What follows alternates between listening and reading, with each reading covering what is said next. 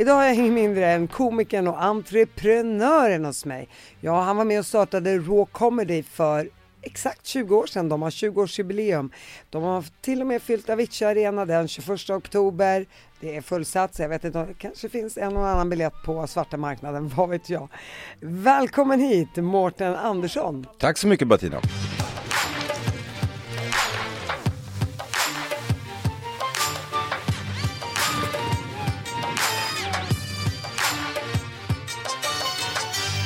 Tror du det går att fixa någon biljett? Vi, eh, vi har ju sålt 11 000, eh, så det har ju varit ute, det sålde slut på två veckor, vilket är helt otroligt. Men vi kommer släppa 400-500, vi har lyckats styra om scenen lite grann. Så wow. i, om några veckor får man hålla utkik på våra sociala medier, då släpper vi. Men då är det absolut sista, sen går det inte in en kotte till.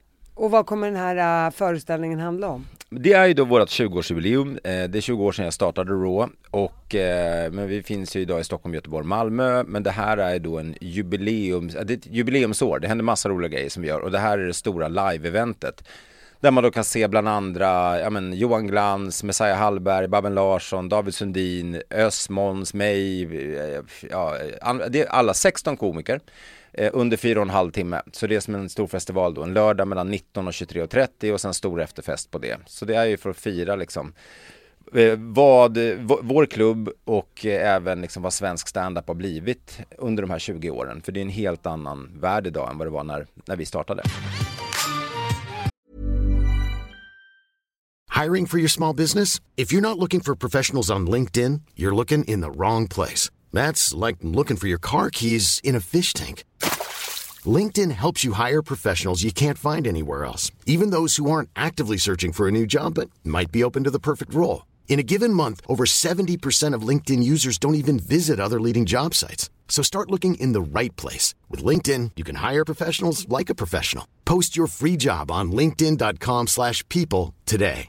Hey, it's Ryan Reynolds, and I'm here with Keith, co-star of my upcoming film, If, only in theaters May 17th. Do you want to tell people the big news?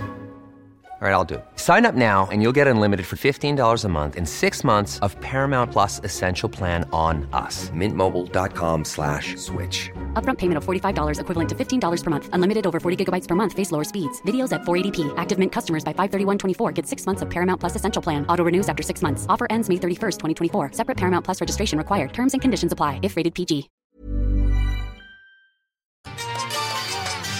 Innan vi kommer in på din komikerresa så um, Eh, så vill jag ju såklart höra om din uppväxt och bakgrund. Mm. Jag tror faktiskt att, eh, eh, och jag tänkte att jag är jätteglad att bli inbjuden, men möjligtvis så ploppade jag kanske upp i din feed jag också. Därför att det jag gör med den här föreställningen som jag är ute med nu då, som heter Mårten Svetkovic, den handlar ju väldigt mycket om kulturkrockar och eh, integration och det är allt från liksom att rädslan för att bli en sittkissande gubbe och borttappad manlighet och så. Jag är tillsammans med en serbisk kvinna eh, och hon kommer från liksom en om man ska vara, bara hårdra den, machokultur och vi är lite mer metrosexuell kultur sådär. Men hela min uppväxt har ju varit med, eh, med folk från andra kulturer. Eh, och det är det som genomsyrar också den här föreställningen. Så att, eh, det är ju inte bara skämt om folk från Balkan utan det är skämt om iranier, araber, jamaikaner eh, och liksom svenskar naturligtvis. Och jag anser mig ha något slags veto i det där. det kanske är konstigt som blond blåögd svensk men eftersom det har varit mina kompisar sedan dag ett så är det lika naturligt för mig att driva med dem som, eh, som med liksom eh, ursprungssvenskar om vi ska kalla dem för det. Eh, och det tror jag många har nästan saknat. För det, och även jag sådär, för att det annars varit så men Öst får driva med kurder och Petrina kan driva om, om liksom mörkhyade eh, och någon som är handikappad kan driva om handikappade. Grunden till Raw och, och all min komik som jag själv står för, det är ju att just det här som du pratar om, att försöka bygga broar, slå hål på fördomar och jag menar om min, eh, om min PT är liksom från Eritrea och min frisör är från, i, i, från Syrien så är det lika naturligt för mig att driva med dem. Eh, men min uppväxt, jag kommer från Stockholm. Eh, föddes på Södersjukhuset och eh, växte upp i Liseberg heter det. Eh, inte Nöjesparken då i Göteborg utan eh, typ Älvsjö kan man säga, kanske folk känner till. Eh, och eh, uppvuxen i Stockholm eh, och var redan tidigt liksom så drogs jag till folk från andra kulturer. Eh, för jag tyckte alltid det, fan, det var något mer exotiskt än att bara liksom hitta sin inspiration bland liksom nio miljoner falukorvar. Så, eh, så jag eh, har alltid dragits till det och det tror jag har format mig väldigt mycket i den jag är idag. Så um, det är väl den korta grejen. Eh, jag har en syster, eh, mamma och pappa är fortfarande lever, eh, no jinx. Och eh, ja, det är väl typ så. När du växte upp i Älvsjö, fanns det många med invandrarbakgrund där? Men vi, Älvsjö ligger ganska nära eh, Östberga i, eh, i Stockholm. Och om man inte har koll på det så är ju det eh, jag vet inte exakt, idag tror jag det är bättre, men då var det en lite så halvproblematisk eh, förort. Ehm, och Eh, där var det ju, där var det väldigt, men det var segregerat. Men jag gillade hänga där. Vi var uppe hos eh, en korvgubbe som hette Habib och köpte luffare. Det var så här eh, korvbröd med, med ketchup i som kostade tror jag, två kronor då. Eh, det säger en del om hur gammal jag är. Korven då? Korv hade vi inte råd med. vi stod där uppe och köpte luffare och liksom hängde på gården där uppe, fritidsgården i Östberga. Det fanns en i Örby också, fast åt andra hållet och då var det lite rikare människor, det är fortfarande medelklass, men liksom det var li lite, lite vitare. Och Eh, det är ju det igen liksom, jag drogs till det där. Och det är därför våra barn går på mixad förskola till exempel. För det är liksom, jag tittar in där innan vi valde så var det så att vi hade kunnat ha dem på en privat förskola Eh, men jag vill inte att de ska växa upp så. Det är inte så Sverige ser ut, det är inte det Sverige jag vill se. Jag vill att mina barn ska liksom växa upp i en mångkulturell miljö. Eh, och eh, så det är som att titta på en Benetton-reklam när man ser liksom personalen och barnen och våra barn där. Och det, det är så jag vill det ska vara och det, det, var så min uppväxt har varit. Det tror jag inte så många känner till men ibland har jag fått kritik för att jag har drivit med folk från andra kulturer. Jag blir lika provocerad varenda gång. Jag bara, det här är liksom typ mina bröder, mina systrar, mina polare. Eh, det är liksom eh, mina barns gudfar är iranier och liksom hela min bekantskapskrets. Jag älskar det. Så, och då känner jag att då har jag ett veto i att driva med dem. För annars blir det det här vi och dem. Och jag hatar det, för det ska bara vara vi. Det är ju också en del av ditt liv och din uppväxt. Jag menar, du vet ju lika mycket om deras kultur och uppväxt för att du var en del av det och växte upp just med de människorna. Mm. Och det är rätt härligt att du säger det för att jag tror folk har svårt att förstå ibland att människor är så mycket mer lika än olika. Mm. Så vi är människor, vi går alla på toaletten, vi alla blir hungriga, vi alla måste röra på oss, vi, vi alla kan bli sjuka i cancer. Så mm. att Ja, sen är man uppvuxen med, med olika föräldrar och en annan kultur och bakgrund och maträtter och allt vad det är. Men kan man bara bygga den där bron så inser man att likheterna överträffar olikheterna. Mm. Och vad som är häftigt med din grundinställning, och den har du ju på ett sätt fått med dig lite gratis i och med mm. att du var nyfiken som barn, eh, det är att man lär sig så mycket. Och sen får man ju välja vad man gillar och vad man ogillar. Mm. Och det, det, brukar jag säga när, när jag växte upp i Sverige att så här, jag tog ju det bästa från den svenska kulturen och sen så behöll jag det som var det bästa från min kultur. Mm. Ja, här har jag lite frihet, var bra, då vänder jag mig till svensk, den svenska. Och, och, nej men vi har mycket godare mat, nej men jag håller mig kvar vid den arabiska. Mm. Eh, jag vill inte äta köttbullar och falukorv varje dag. Jag vill ha den där mammas goda gryta liksom med vitlök och, och vad det nu är. Eh, en grönsaksgryta och dessutom så när jag växte upp man märkte ju skillnaden. Svenskar är väldigt så här, det är mamma, pappa, barn och sen är det lite privat och sen så släpper vi inte in så många. Medan hos oss har det alltid varit en öppen dörr, alla är välkomna, man pratar i munnen på varandra, Eh, man säger vad man tycker och tänker, ingen skäms, ibland så hoppar det många grodor i munnen på en men du, du får i alla fall vad du ser. Men det är mer levande och det, det liksom det du beskriver eh, och det är det som jag tror också jag har dragits till. För det, om man ska hårdra här, det är klart att man kan inte dra alla över en kam.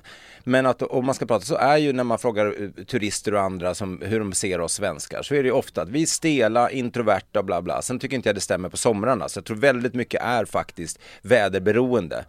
Man blir blir helt deprimerad av att bo här. Eh, så det tror jag påverkas. För Sver Sverige eh, och, och, även stockholmare under sommaren är ju helt andra människor än på resten av året. Men, men vi är ju liksom, eh, jag skrev något nytt skämt här under sommaren att om man eh, vill ha kontakt med en svensk eh, så, så räcker det att snyta sig, eller snyta sig på tunnelbanan eller på en buss för då får man ögonkontakt. Det är det sättet man får ögonkontakt. Men, eh, eller att liksom prata för högt i mobilen. Men den där grejen att det här mer levande, det är, ju, det är ett, faktiskt ett av mina favoritskämt eh, i showen också. Och skämt tycker jag blir bäst när de bottnar i någonting. Och just det du beskriver är ju det jag upp, upplevt också när jag åkte till Balkan där då min fästmö kommer ifrån och varit i Serbien. Och det är samma som oavsett om, tror jag, man, kommer, om man är arab i grunden eller om man är liksom iranier, whatever. Man har någon slags annan bakgrund än svensk. Eh, att det här dörren är alltid öppen. Och det är inte bara det utan det är också dörren till, till, till skafferiet är öppen, dörren till kylskåpet är öppet. Vad som är mitt i ditt, välkommen till mig och till oss. Medan i Sverige så står vi då och trycker, det här är det jag säger i showen, bakom ett, ett, ett, våra titthål och tittar ut och säger nej Nej, vi sa vecka 37 och liksom dörren är stängd. Så sånt där, det, jag älskar att prata om sånt och försöka så frön i folk att så här, öppna dörren, inte bara till ditt hem utan till ditt hjärta. Så tror jag många av problemen skulle vara borta. Göm dig inte bakom fördomar. Prata med folk. Det är så enkelt och folk gör det så svårt för sig själva. Mm. Eh, men, men Mårten, du växte upp då med mamma och pappa, vad tyckte de om att du sprang över på andra sidan? Blev de lite rädda? Ja men de, pappa och mamma är 40-talister och eh, menar, jag älskar min mamma och pappa. Så, eh, men de är ju, jag tror att de också den här resan som jag har gjort eh, och den jag har blivit idag har ju de såklart varit med på. Och jag tror att jag har inspirerat även dem, inte bara den publik som har valt att komma och se mina shower. Eh, att tänka större, eh, för det har varit lite så här uppväxten att eh, det här, ja, kolla på den där, eh, vad konstig liksom den var kunde det vara. Och det handlar inte om, om hudfärg så mycket då, utan kanske om någon klädde sig annorlunda eller så. Så att jag hade någon slags revolt mot kanske ett eh, ja, men lite trångt synsätt kan jag tycka. Och det gäller de flesta 40-talister. Eh, och går vi längre bak i tiden så är det ju, då är det bara, blir det bara värre och värre. Så att, eh, men, men de är superhärliga och jätteöppensinnade och så. Men det är klart att när jag började hänga i Östberga ganska mycket eh, i lite fel kretsar också. Då var ju min mamma framförallt orolig och det var ju mera för vad jag skulle att jag skulle hamna fel. Eh, och en av dem som jag växte upp med och hängde med, han blev ju tungt kriminell, narkoman och eh, lever inte idag. Så att eh, jag kan förstå den oro hos, en förälder också. Så att, men det fanns aldrig några så här, du får inte göra ditten eller datten. Jag har alltid haft det väldigt fritt eh, faktiskt. Och din syster? Min syster och jag är extremt olika. Eh, och eh, vi har väl inte speciellt mycket kontakt eh, kan man väl säga. Tyvärr. Tycker du att det är tråkigt? Ja, det är tråkigt att det, det, är som det är. Jag önskar att jag kunde göra vissa saker ogjort, men vi kan inte förändra saker och ting vi har gjort. Vi kan bara förändra saker framåt och jag försöker vara eh, jag försöker vara en bättre bror, eh, men det är svårt när man inte får chansen. Eh, bättre pappa, bättre vän, bättre chef, allting. Eh, och det, det går inte att göra saker ogjorda. Vi kan bara be om ursäkt och försöka göra det bättre.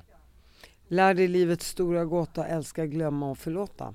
Den var fin, den har jag inte hört förut. Har du inte? Nej. Kan dina föräldrar tycka att det är tråkigt om ni bara är två barn, att ni inte har den relationen?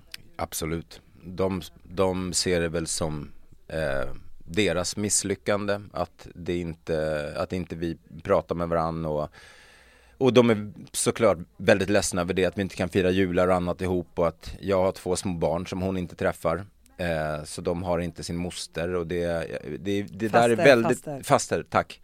Eh, och det där är ju väldigt eh, eh, tufft för min tjej som kommer från helt andra förhållanden. Hon, eh, hon och hennes bror älskar varann och eh, familjen som för många andra, nu generaliserar lite här, men, men familjen är ju mycket viktigare för folk från andra kulturer än i Sverige. Vi sätter våra gamla på hem, hej då, och sen hälsar vi på liksom en gång i månaden så är ju Sverige tyvärr. När man pratar om att Sverige är kallt eh, så är det inte bara vädret. Eh, och så för henne är det helt absurt att inte vi har kontakt, jag och min syster. Men hon vet också att jag har kämpat. Jag säger bara sluta inte kämpa. Det kanske blir bra en vacker dag. En vacker dag, man får aldrig upp hoppet. Du, du, du känns ju ändå som en person som alltid har velat göra någonting, synas, höras, eh, eh, extrovert. Du började på P3 som 19-åring redan. Hur Stämmer. hamnade du där? Jag gick, eh, alltså jag, när jag växte upp i, i alltså, du vet, kommer du ihåg när man hade sådana här Mina vänner-böcker? Hade du det? Nej.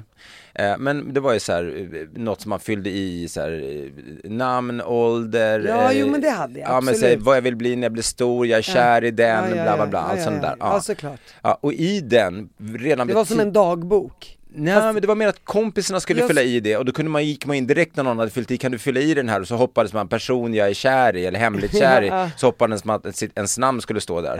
Eh, Så kunde man sätta dit ett fotografi. Ja, Fast en sån här exakt. ruta för ett foto. Ja men precis, de. Och i den, eh, och då var man väl, kan man varit då, 13. Där skrev jag på vad jag vill bli när jag blir stor typ. Och då skrev jag sportjournalist, eh, ett, eh, sportkommentator eller golfproffs tror jag blev. Och golfproffs har jag inte blivit, eh, för jag kastar klubborna längre än vad jag slår bollarna. Du var arg. Jag var arg. Eh, Men, men, men tv och radio var ganska tidigt något som jag ville göra. Så när jag växte upp i högstadiet fick jag tillräckligt bra betyg för att komma in på gymnasiet, det gör man väl alltid kanske. Men, men i gymnasiet redan så började jag, jag har alltid varit väldigt driven och målinriktad från tidig ålder. Så att jag eh, förstod att jag ville göra radio eller tv på något sätt. Och eh, när jag var 15 så började jag göra närradio. Eh, och kontaktade då de olika närradiostationerna som fanns i, eh, i, i Stockholm och eh, började göra radio själv och började lära mig tekniken och liksom härmade väl mest då andra sådär. Eh, men jag, jag gillade det där och fick ganska bra respons för att vara så ung eh, och eh, sen sökte jag då till, eh, och där under tiden jag går i gymnasiet så fick jag reda på, ja, men så här, om man vill jobba med det här, vad ska man göra? Ja, då var det Journalisthögskolan och då var det fyra år och då kände jag bara att nej, jag kommer inte lägga fyra år på att lära mig någonting som jag tycker bygger eh, i mångt och mycket på nyfikenhet. Eh, att så här, vara nyfiken och ställa frågor. Så det, det var inte aktuellt för mig och eh, jag är lite för dampig för det. Så då var jag så här, vad finns det för alternativ? Och då nämndes då Kalix folkhögskola som hade en, en välrenommerad eh, radioutbildning. Så jag kontaktar dem och säger så här, vad går ni på för att komma in på er skola? Är det betyg eller är det arbetsprover? Och då sa de, vi går framförallt på arbetsprover. Så då valde jag att liksom satsa mer på att lära mig radio än att, eh, att plugga. Så jag hade väl liksom medelbetyg, eh, 3,5 av 5 eller något sånt där, inte mer än så. Eh, bättre i vissa ämnen såklart. 3,0 Men, 0 var i och för sig snittet, var det inte det? Ja, men jag hade väl lite bättre Ja, än det är det jag menar. Ja, men det Försöker var fortfarande inte det. bra. Ja, jag vet, men det var fortfarande inte liksom, det var inte så att det var applåder och diplom och eh, Pommac hemma när jag kom hem med Nej, det betyget. Men, eh, men jag gjorde de där arbetsproverna och eh, jag, vi, när vi var små i Stockholm när man växte upp så fanns det något som hette budet. Alla kände till det här. Och budet var ett nummer du kunde ringa, eh, det fanns två olika nummer, så fick du sprit levererad, eller vin och öl levererad ur en baklucka utav, ja det är langare helt enkelt. Och det där hade vi använt när vi var små, eh, vad kan vi ha varit då liksom, 17, 16, 17 någonstans där. Och eh, eh, köpte billigt vin från de där. Och jag bestämde mig då för att avslöja det här. Eh, och det här känner inte folk till. Så att jag gjorde, eh, eh med, tillsammans med Filip Struve som eh, har varit, eh, sen blev eh, ankare på eh, om det var Rapport eller Aktuellt och sånt där. Han jobbade då på ett, eh, om det var Efter två med Ulf Elving.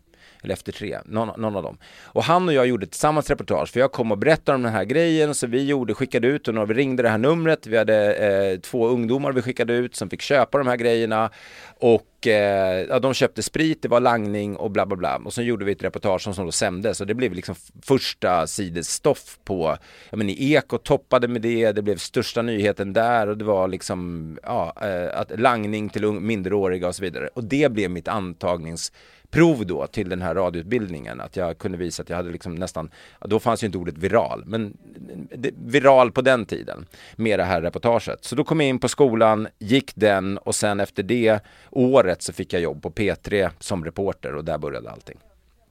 Och sen har det bara varit spikrakt uppåt. Ja, spik gick rakt upp och tar kanske inte, ja men det var det väl ett tag gick det ju otroligt bra. Det var, jag gjorde ZTV fyra år, efter det fick jag börja på TV3 där jag var programledare och gjorde TV3 Sporten när du gjorde vädret ibland då. Jag satt där som nyhetsankare och jag gjorde Radio Stockholmsporten innan det och sen så fortsatte jag på kanal 5 eh, och gjorde eh, programledargrejer där men jag kände aldrig att och det här låter ju såklart väldigt förmätet eh, och idag kan jag skratta åt det men att jag alltid tyckt att jag har alltid tyckt att jag är mer begåvad än vad andra har tyckt att jag är. Och det där har funnits en, eh, man kan skratta åt det men det, det är också sant. För att, eh, men jag tror också att på grund av massa festande och annat under många, många år där jag var liksom, jag var inte jag nådde inte upp till min kapacitet. Jag trodde det i min liksom bubbla jag befann mig i. Men jag var inte där. Men det fanns en stor bitterhet hos mig att så här, när jag blev erbjuden tv-program av TV3 och Kanal 5 så gav de mig typ de sämsta programmen. Men i, min, i mitt mindset skulle jag ha de största programmen. Som då gick till liksom Harald Treutiger som var glödhet då och Gry Forssell och så vidare. Och så jag var bara bitter. Eh, och därför har jag mycket, jag bad ju folk dra åt helvete åt höger och vänster och hur kan ni göra så här? Så att jag har ju bränt massa broar, apropå broar, i tv-branschen. Sen att jag, att det här är 10-15 år sedan och att jag är en helt annan person idag. Jag vet fortfarande att jag inte blir på att vissa kanaler, vissa människor är så absolut inte Mårten Andersson. Apropå att liksom eh, vissa broar går inte att reparera bara. Um, och um, det, det, är lätt att vara efterklok, men jag menar, återigen, jag kan inte, kan inte göra ogjort. Jag har lärt mig, jag tror också att jag har blivit den jag är idag. Jag säger tack vare och inte på grund av eh, de här misstagen som jag gjorde då. Ehm, men så var det, så efter det när jag hade hamnat i, i, i clash med liksom eh, TV3 eh, för att jag vägrade göra ett program, eh, en säsong två som blev en succé och de skulle, hade sålt massa reklam och grejer. Jag sa jag tänker inte göra det programmet. Ni lovade mig Fångarna på fortet, nu ska jag ha Fångarna på fortet. Och då sa de, nej men du måste vänta för du är fortfarande ny från ZTV. Jag sa jag har gjort en succé, ni säger att det är den största succén ni haft på tisdagar. Jag tänker inte göra Guinness rekord-TV en säsong till. Det är inte min typ av program. Så jag vägrade och då blev jag utslängd i frysboxen big time. Jag fick mina månadsfakturer betalda men jag fick inte komma på några fester eh, när de hade programledarfester och jag var helt utfryst. Sen så tog då P.A. Gullö som var sportchef där, eh, hade hört Pippi Rull som jag hade gjort parallellt. Älskade de här grejerna jag gjorde i humorn och visste att jag hade en sportbakgrund och tyckte så här, här ligger han och bara kostar pengar som programledare, varför gör vi ingenting med det?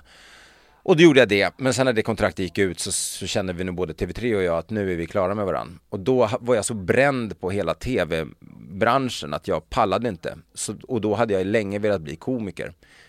Eh, och där började kom komikerresan istället. Sen tog den mig tillbaka in i TV igen, men då var jag inte programledare, jag var inte kontrakterad, så jag behövde inte, jag kunde bestämma själv om jag ville vara med eller inte. Du måste ju då alltså som det låter på dig, har haft ett alkoholberoende? Ja, men en, jag skulle säga att, eh, inte ett beroende, men problematik, absolut. Absolut. Och varför hamnar du där? Ja du, det är väl en bra fråga. Eh, det klassiska, även om det inte går att jämföra sig med liksom såna här stora Hollywoodstjärnor, det är inte det jag försöker göra här. Men liksom när man slår igenom eh, som, som ung, Eh, så är inte jag den första och inte den sista tyvärr som kommer hamna snett i livet. Eh, jag fick alldeles för mycket eh, liksom, brev och mail, framförallt från tjejer som förklarade att de tyckte jag var så snygg och hit och dit. Jag tappade bara verklighetsuppfattningen. Allt handlade om mig, jag blev väldigt eh, extremt egocentrisk eh, och eh, när man känner sig åtrådd då blir det att man gick ut på krogen och man fick massa blickar hit och dit och det var liksom, nej men det var eh, vad ska man säga, men det, det, var bara väldigt mycket liksom, det, jag, jag förlorade mig i det där. Så det blev liksom, jag var, jag var ute på krogen, eh, när det var som värst så var jag ute fyra, fem gånger i veckan. Och så helgerna såklart. Ja, Du var alkoholberoende. nej men det var ett skämt. Men, nej, men, men, eh, nej, men absolut. Men det, det fanns var ju... en sanning i det. Ja, ja absolut, ja. det finns en sanning i det. Och det här är också en grej som jag tycker är intressant om, som jag tar upp i Mårten Svetkovic showen. Att så här, hur går man från ett sånt liv till att bli familjefar och liksom sådär. Så att det är också, ja men igen, jag, vill, jag gillar att, eh, ibland så tänker jag att mitt det jag gör inte är stand-up comedy utan att det är spiritual comedy.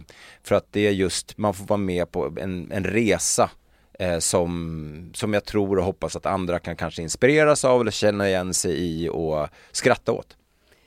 det, det du berättar, jag, jag förstår precis vad du säger och, och, bara för att förklara för dem som inte förstår.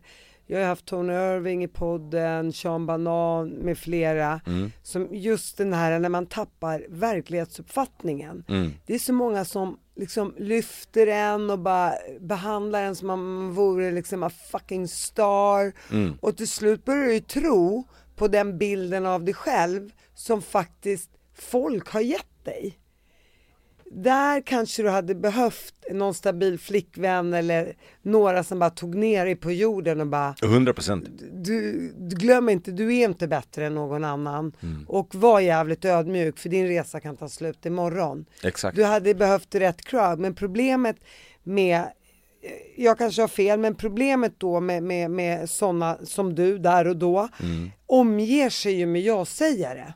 Och när man bara omger sig med folk liksom som lyfter en, bara, du är så jävla ball, så cool, då, då tror man på den, man är i den bubblan och man tror och vill bara tro på de som är schyssta mot en för att kommer det någon som säger att hej, jag tycker du är för jävlig just nu, då är det bara så här, fuck you, du kan dra åt helvete. Och, så, och, och det är där det blir så Exakt, himla man vill fel. inte höra det, man vill fortsätta leva den här myten om sig själv som Ja. man bara hittat på i sitt, i sitt ego, det är bara egot. Men i mitt fall så var det ju, det kom ju till en punkt där det liksom inte gick längre ehm, och jag bestämde mig för att liksom förändra mitt liv och jag gå- jag har ju gått i terapi i hur många år som helst. Men ehm, ja, jag lyckades hitta rätt terapeut och där började jobbet som, som fortfarande fortsätter eh, än idag.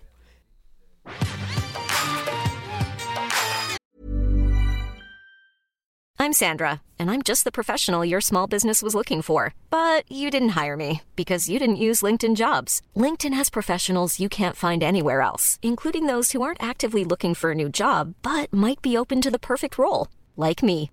In a given month, over 70% of LinkedIn users don't visit other leading job sites. So if you're not looking on LinkedIn, you'll miss out on great candidates like Sandra. Start hiring professionals like a professional. Post your free job on linkedin.com/people slash people today. Planning for your next trip? Elevate your travel style with Quince. Quince has all the jet setting essentials you'll want for your next getaway, like European linen, premium luggage options, buttery soft Italian leather bags, and so much more. And is all priced at 50 to 80% less than similar brands. Plus, Quince only works with factories that use safe and ethical manufacturing practices. Pack your bags with high-quality essentials you'll be wearing for vacations to come with Quince. Go to quince.com slash pack for free shipping and 365-day returns.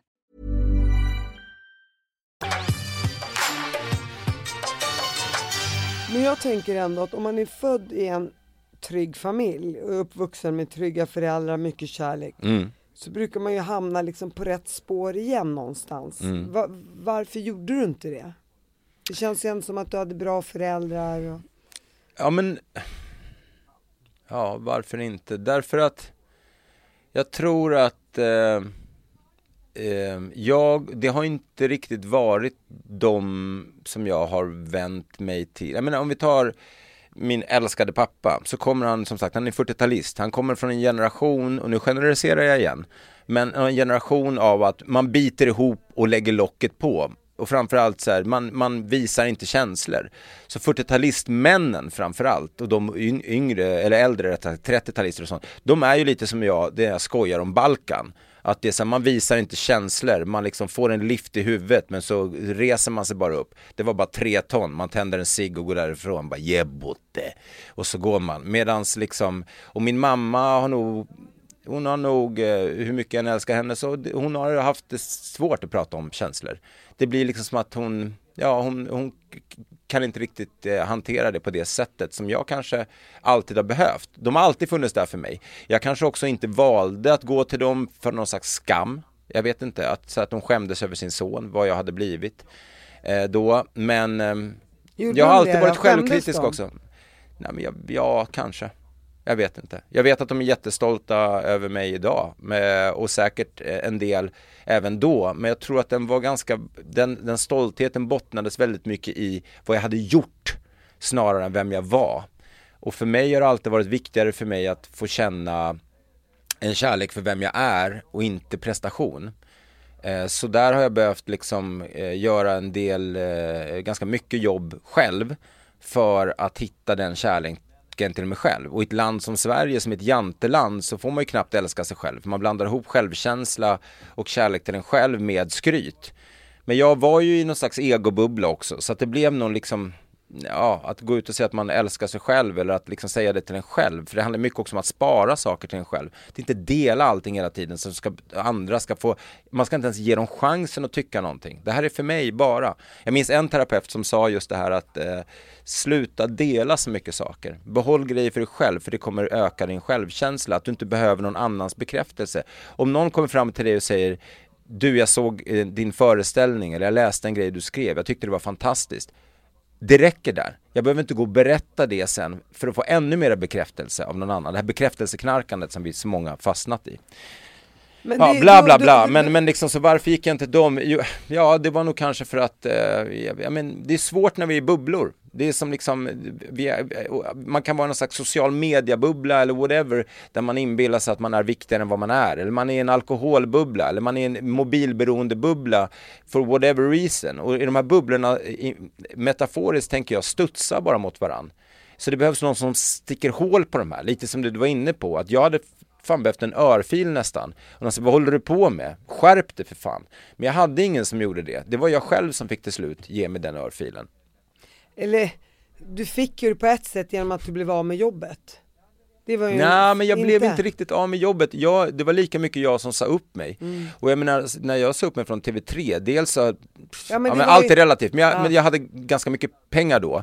Och eh, parallellt med det hade ju liksom eh, min komikerkarriär försiktigt liksom börjat och sen exploderade eh, med Pippirull och alla de här liksom eh, busringningarna vi gjorde då. Och där fick jag ett kvitto på, okej okay, jag kan skriva humor. Min dröm som jag hade sedan jag var 16 att bli komiker let's go for it, nu blir du ståuppkomiker. Och sen tog ju det fart. Så att jag, jag ska inte säga att jag blev av med jobbet, eh, men lite kanske. Jo, jag kanske blev av med jobbet lite grann. Jag, jag tänker it goes both ways, men ja. jag tänker ändå att folk störde sig på, alltså så här, jag är så kluven där.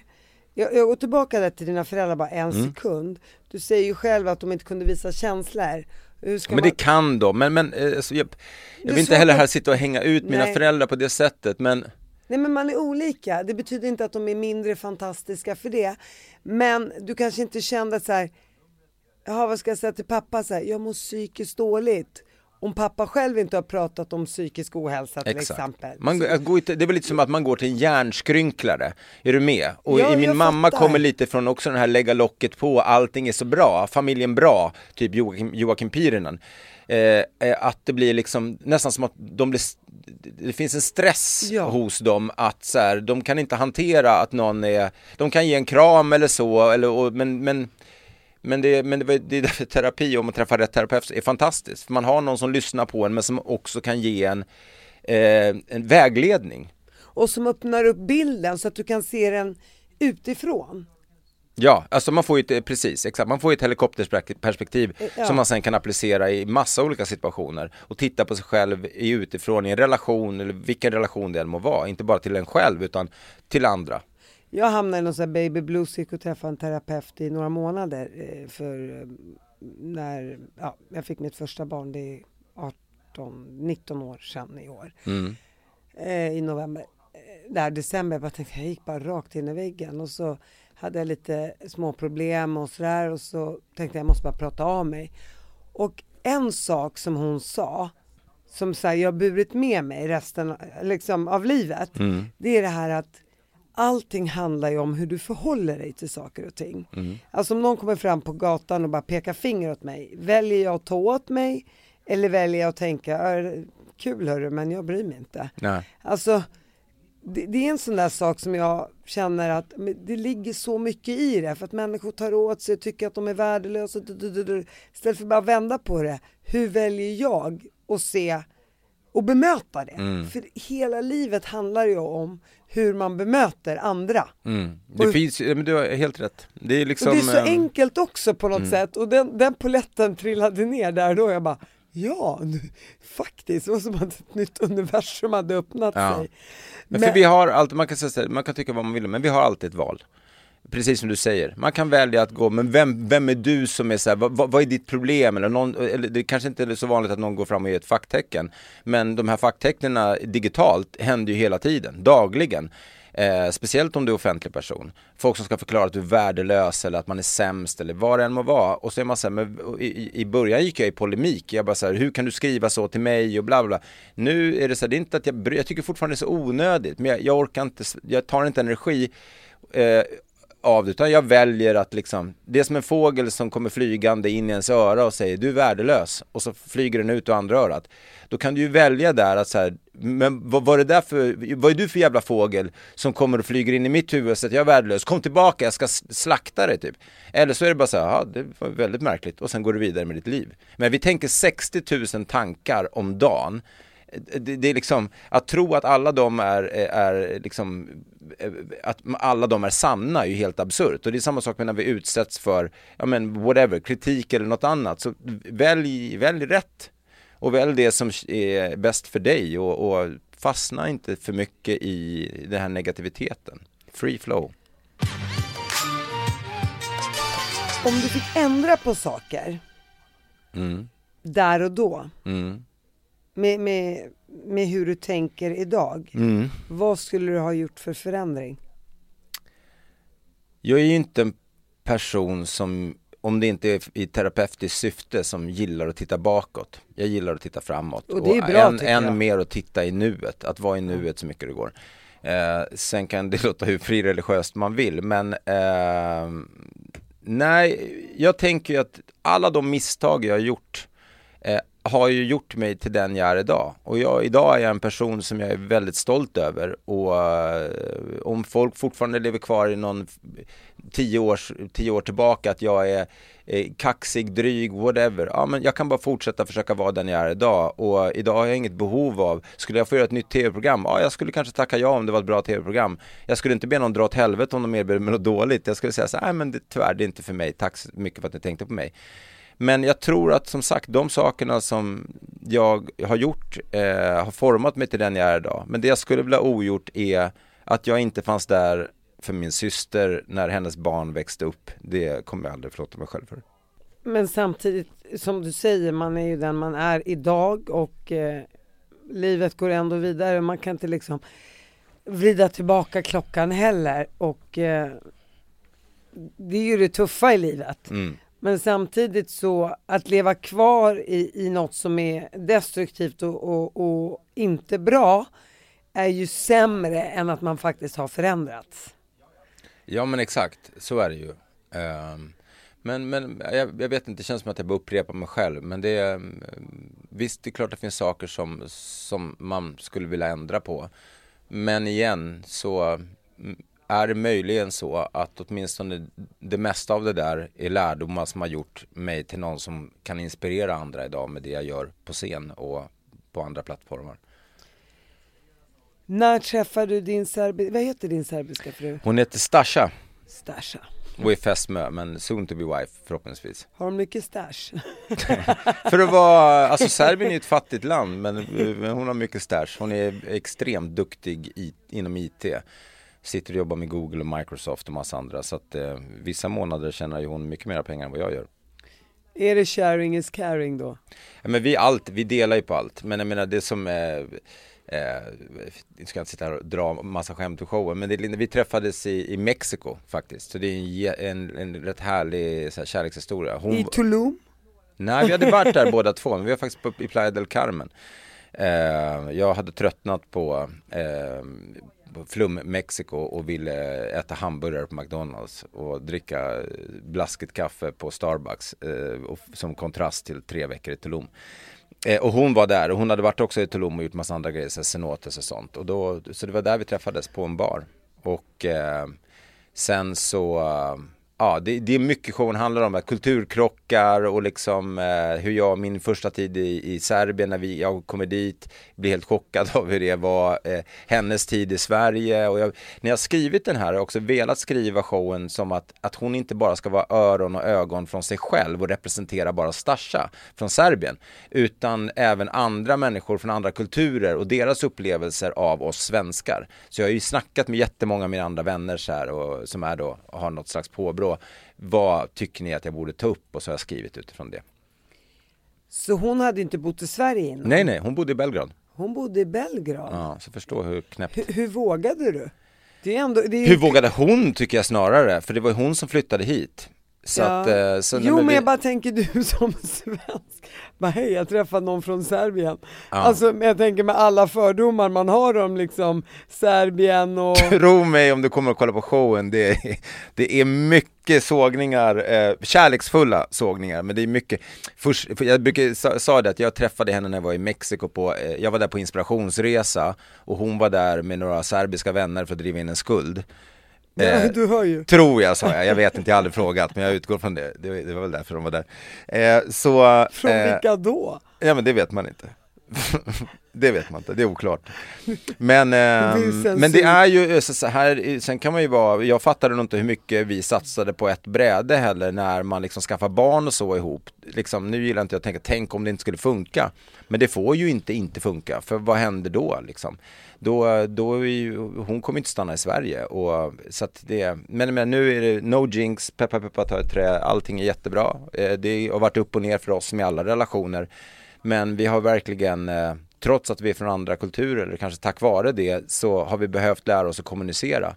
Så att, eh, och speciellt om känslor. Och det har varit svårt för henne, för hon kommer inte från alls den att, för henne, hennes mamma blev helt chockad, hon har aldrig sett en man gråta hela sitt liv. Eh, men nu har hon ju träffat mig då, så nu har hon fått se mig gråta flera gånger. Eh, så att... Och hur många år sedan var det här? Sju år sedan träffades vi i Mexiko. Hon, och då var du 42 och hon är? Uh, hon är 13 år yngre än jag. Så hon är 35 29. nu blir hon väl. Mm. Uh, 30, 36 i år. Ja det måste hon göra. Uh, och jag är 49 nu. Och var det kärlek vid första ögonkastet? Ja men ja, det skulle jag väl ändå säga att det var. Hon är enormt eh, härlig och världens utstrålning och uh, det var det jag, jag drogs till något. Jag skulle egentligen träffat en annan tjej.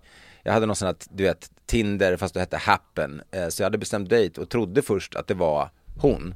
Också en brunett, liksom, vacker brunett. Men eh, sen insåg jag när hon sa att hon var från Serbien att, eh, att det inte var hon. Men hon var så härlig så jag valde att stanna kvar och prata med henne. Så du gick inte på den där andra dejten? Jag var ju på den baren jag skulle träffa henne men hon kom dit och liksom, ja gick ju därifrån. Så det var inte så schysst mot den tjejen men det var ju bevisligen rätt val.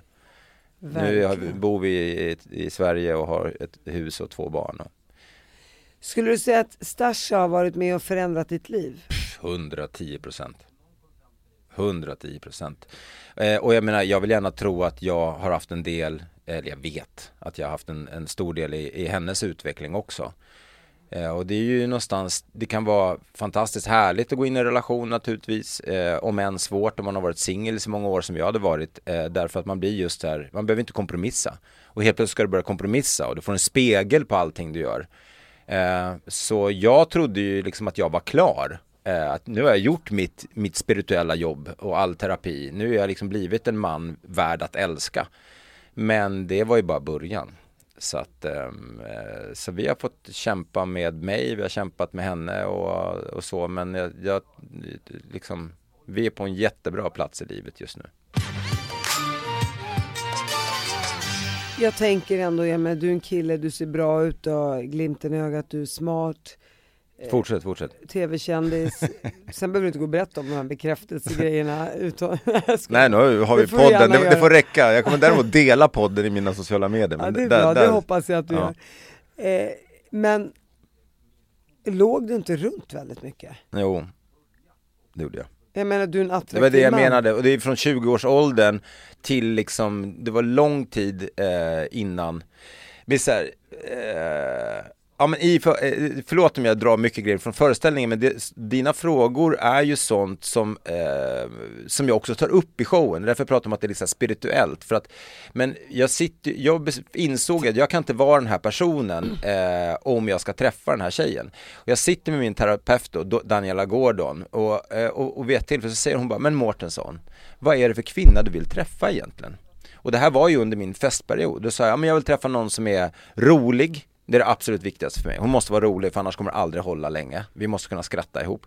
Vacker, eh, smart, empatisk, har ett stort hjärta. Hon får gärna vara feminin och, och liksom klä sig bra och liksom ha bra värderingar. Och hon bara tittar på mig och säger hon, ja, och du tänker då att det här är en kvinna som vill dejta dig? Och jag sa, det, det är en retorisk fråga va? Hon bara, ja säger du? Då sa jag, ja jag tror att det är en retorisk fråga. Hon bara, ja hur menar du då? Då sa jag, jag tror att eh, det eh, finns inte på världskartan att en sån tjej skulle välja mig utifrån den jag är idag. Intressant, sa hon. Och hur menar du då?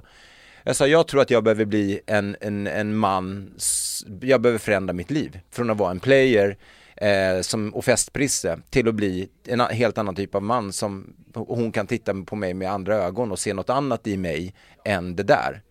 Och där och då, då börjar ju det stora jobbet där jag slutar att dricka, eh, slutar att ligga, slutar att skratta. Eh, och så vidare.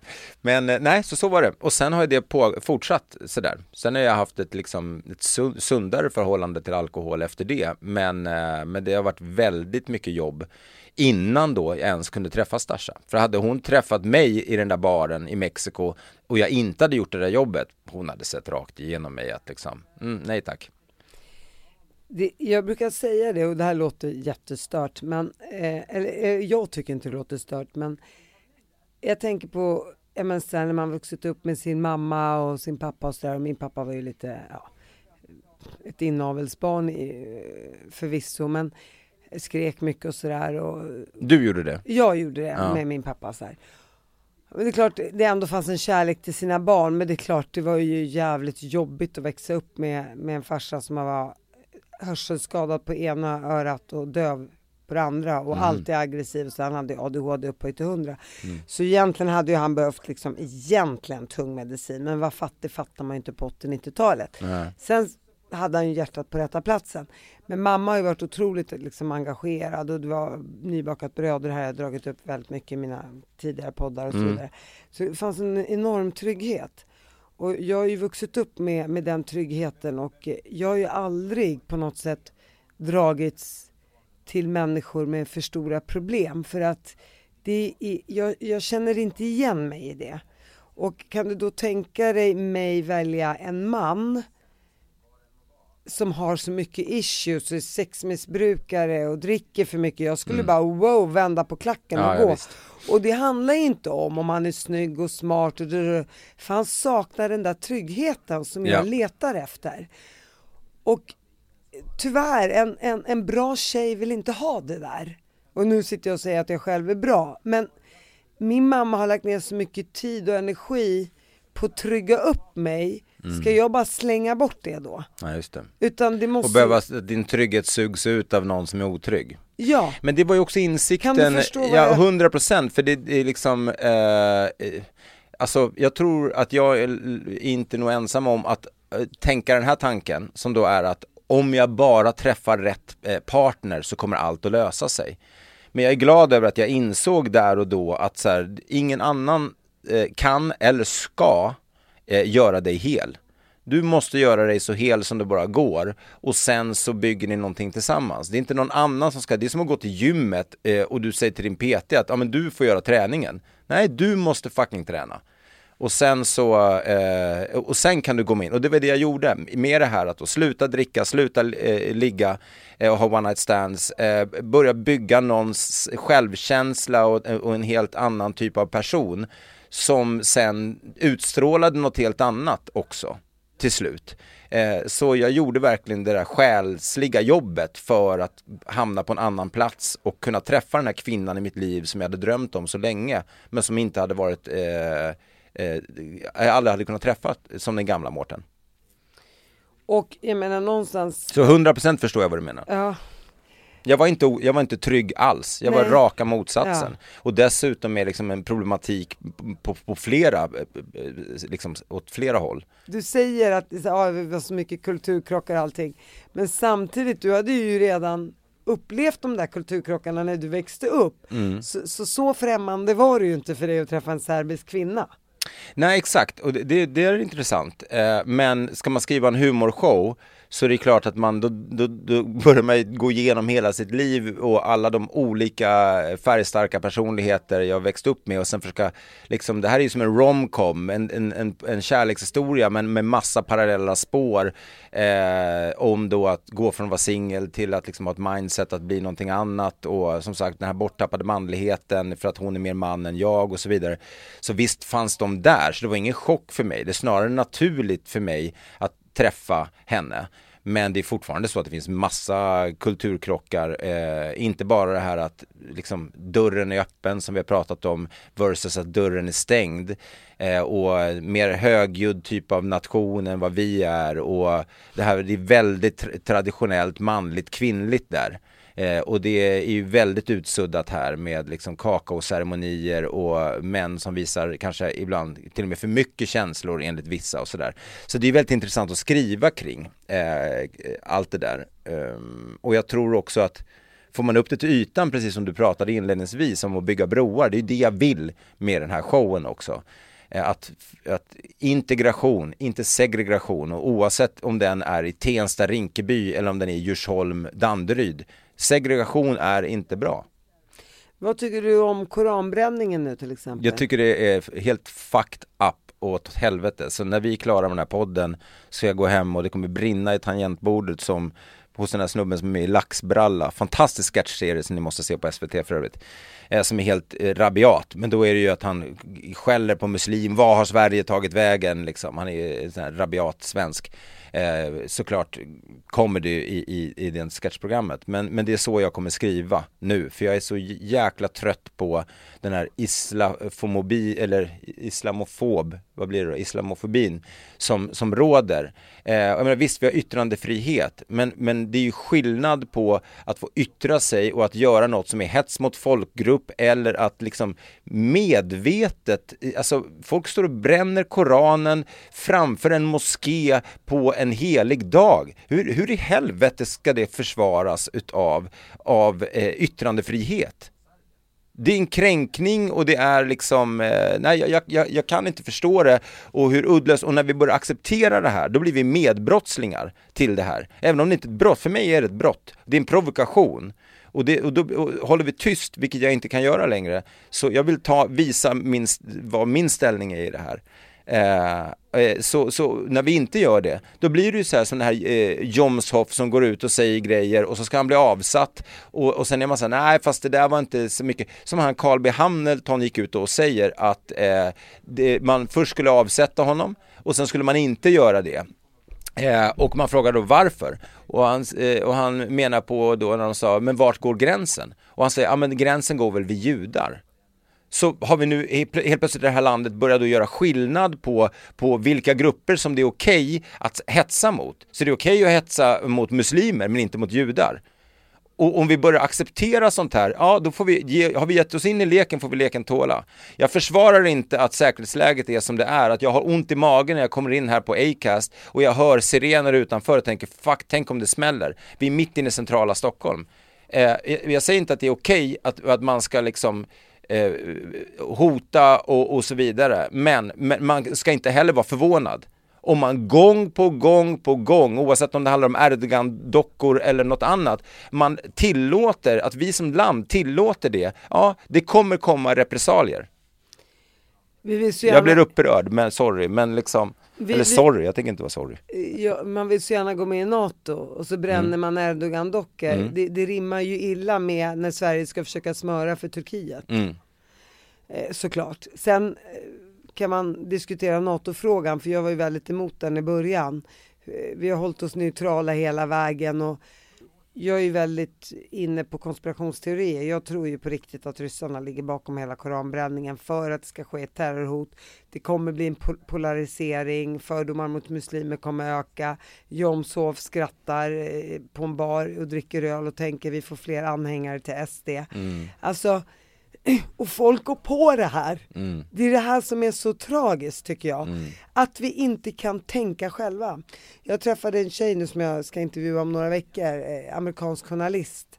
Eh, och, och, vi pratade om hela kriget, Ryssland, eh, Ukraina och hon är ju amerikanska med persiska rötter och, och, och, det här är ju ett krig mellan Ryssland och USA. Mm. Och, och, folk kan inte se det sambandet utan man ser bara hur Ryssland tar över Ukraina. Mm. Eh, det finns så mycket, mer, mycket djupare än det här och folk som är riktigt, riktigt pålästa kan ju se hela bilden. Ja. Och, och vi kan bara se det vi läser i Expressen och Aftonbladet och den informationen vi tar in, den informationen är sann. Mm. Sen letar vi inte efter mer information, för nu är det så här. Mm. Eh, det är intressant att du säger det, för det där är också någonting som jag pratar med Stasha om ganska mycket och hon menar på att Sverige är så amerikaniserat att 100%. väst, den, den, de nyheterna vi får är så väststyrda. Men i, i Serbien så är det ju väldigt mycket, de har ju varit kompisar med Ryssland länge och liksom, jag tror att hennes pass, så hon behöver ingen visum till, till Kuba och hon behöver ingen visum till Ryssland. Alla andra ställen vi åker till behöver hon fan visum hela tiden eh, tills hon får ett svenskt pass. Men, men hon menar ju på att det är helt snedvridet och de får en helt annan typ av nyhetsrapportering eh, där. Och det, det är ju precis det du är inne på här, att vi, vi, man, man skrapar på ytan och vem, vem är det som vill att vi ska se vad? Ja, men det där är en djup fråga. Vi, vi måste ju också avsluta podden. Jag vill gärna höra om, om din show här. Mm. Och det är den 21 oktober på Avicii Arenan. Det kommer släppas ytterligare 500 biljetter. Just det, uh, um, så vi håller isär begreppen så är det, uh, stämmer det jättebra. 21 oktober i Avicii Arena. Det är Raw med bland andra då Johan Glans, Messiah och Babben, bla bla bla. Uh, Thanos Fotas, Ös, ja men det är jättemånga. Man får gå in på rawcomedyclub.se och kika där. men det är det och sen så, det ska bli fantastiskt roligt. Men något som jag brinner minst lika mycket för såklart är min egen turné. Den börjar första nionde i Rinkeby faktiskt faktiskt.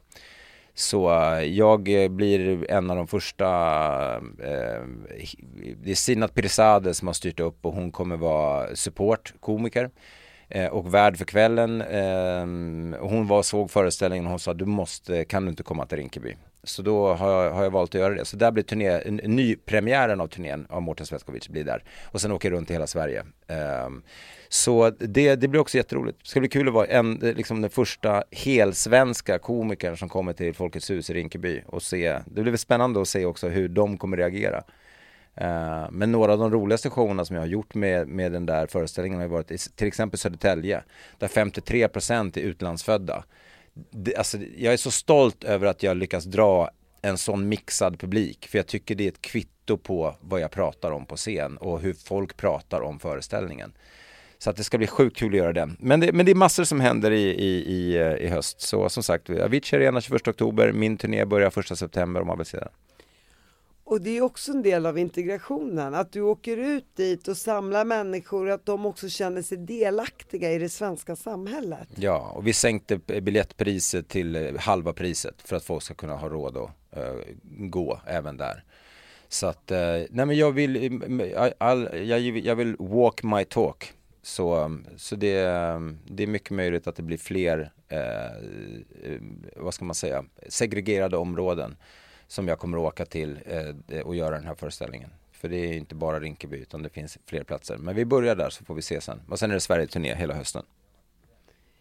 Hur, och så vill jag gärna avsluta med, hur är det att vara pappa? Det är den bästa som finns. Det är allt det jag drömde om back in the days när jag stod och drack shots och hade ångest och var så här, vad håller jag på med, varför gör jag så här mot mig själv och andra? Eh, och jag drömde om den där familjen. Det har överträffat alla mina förväntningar. Jag älskar mina barn mer än någonting. Det, jag älskar att vara pappa. Inga jobbiga nätter, ingenting? Jo, såklart, såklart. Våran yngsta är ju så trotsig så att det är... Eh, de och är vem också brås med... han på? Eh, ja, precis. Vem brås han på? Nej, men de säger att det är lilla Mårten. Eh, eh, så om det är så jag var, då tycker jag synd om mina föräldrar. Nej, men han är underbar, men det är Han kommer varje morgon för opererat axeln, säger är det bra med axeln? Ja. Åh, det, nej, det är inte riktigt bra än. Nej men de är helt underbara, Tristan och Matteo. Eh, så... Um, är, ja. det, är det lite Balkan över dem? Ja det är det, absolut. Jag vet inte, nu tänkte jag säga ett enda skämt till från showen, man får komma och titta, men det är ett av de absolut roligaste berättelserna i den handlar ju om mina barn. Eh, och det är väldigt Balkaninspirerat. Just det här att jag är den här metrosexuella mannen och de är mera macho. Så ja. Jag tänker på din syster där, jag vet vi, vi, vi ska inte gå in så mycket på det, men jag tänker det här med, med barnen som du berättade om. Kan du känna att du fick mer förståelse för henne när du fick egna barn? Ja, eh, absolut, så är det ju. Och även en större förståelse för mina föräldrar, eh, hur det var hur, att vara förälder. Så att eh, ännu mer för dem skulle jag säga. Så, um, och det blir ju också att man gör att man blir ödmjukare åtminstone ibland eh, för det jobb de gjorde. Så um, eh, visst, jag har gjort jättemycket jobb i terapi men jag hade inte varit den jag är idag om det inte vore för dem också, naturligtvis. Tack för att du kom hit Mårten. Tack så jättemycket. Tack. Tack.